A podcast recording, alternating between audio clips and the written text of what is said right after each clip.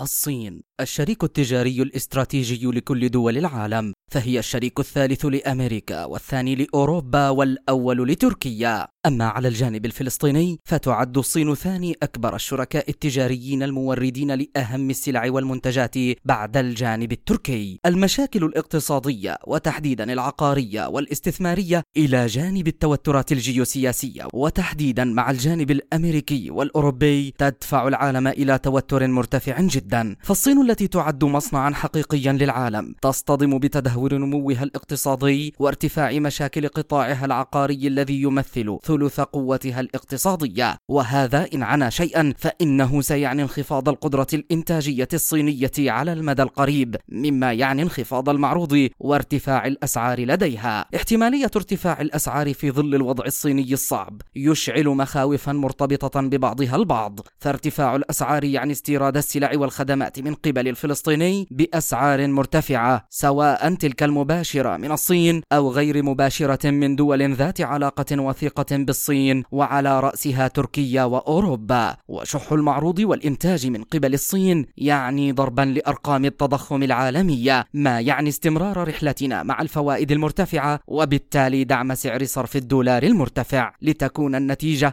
احتمالية اصطدام الفلسطيني بارتفاع في قيمة الدولار المستخدم للاستيراد واستيراد سلع أكثر ارتفاعا. مجد النوري لشبكة أجيال الإذاعية.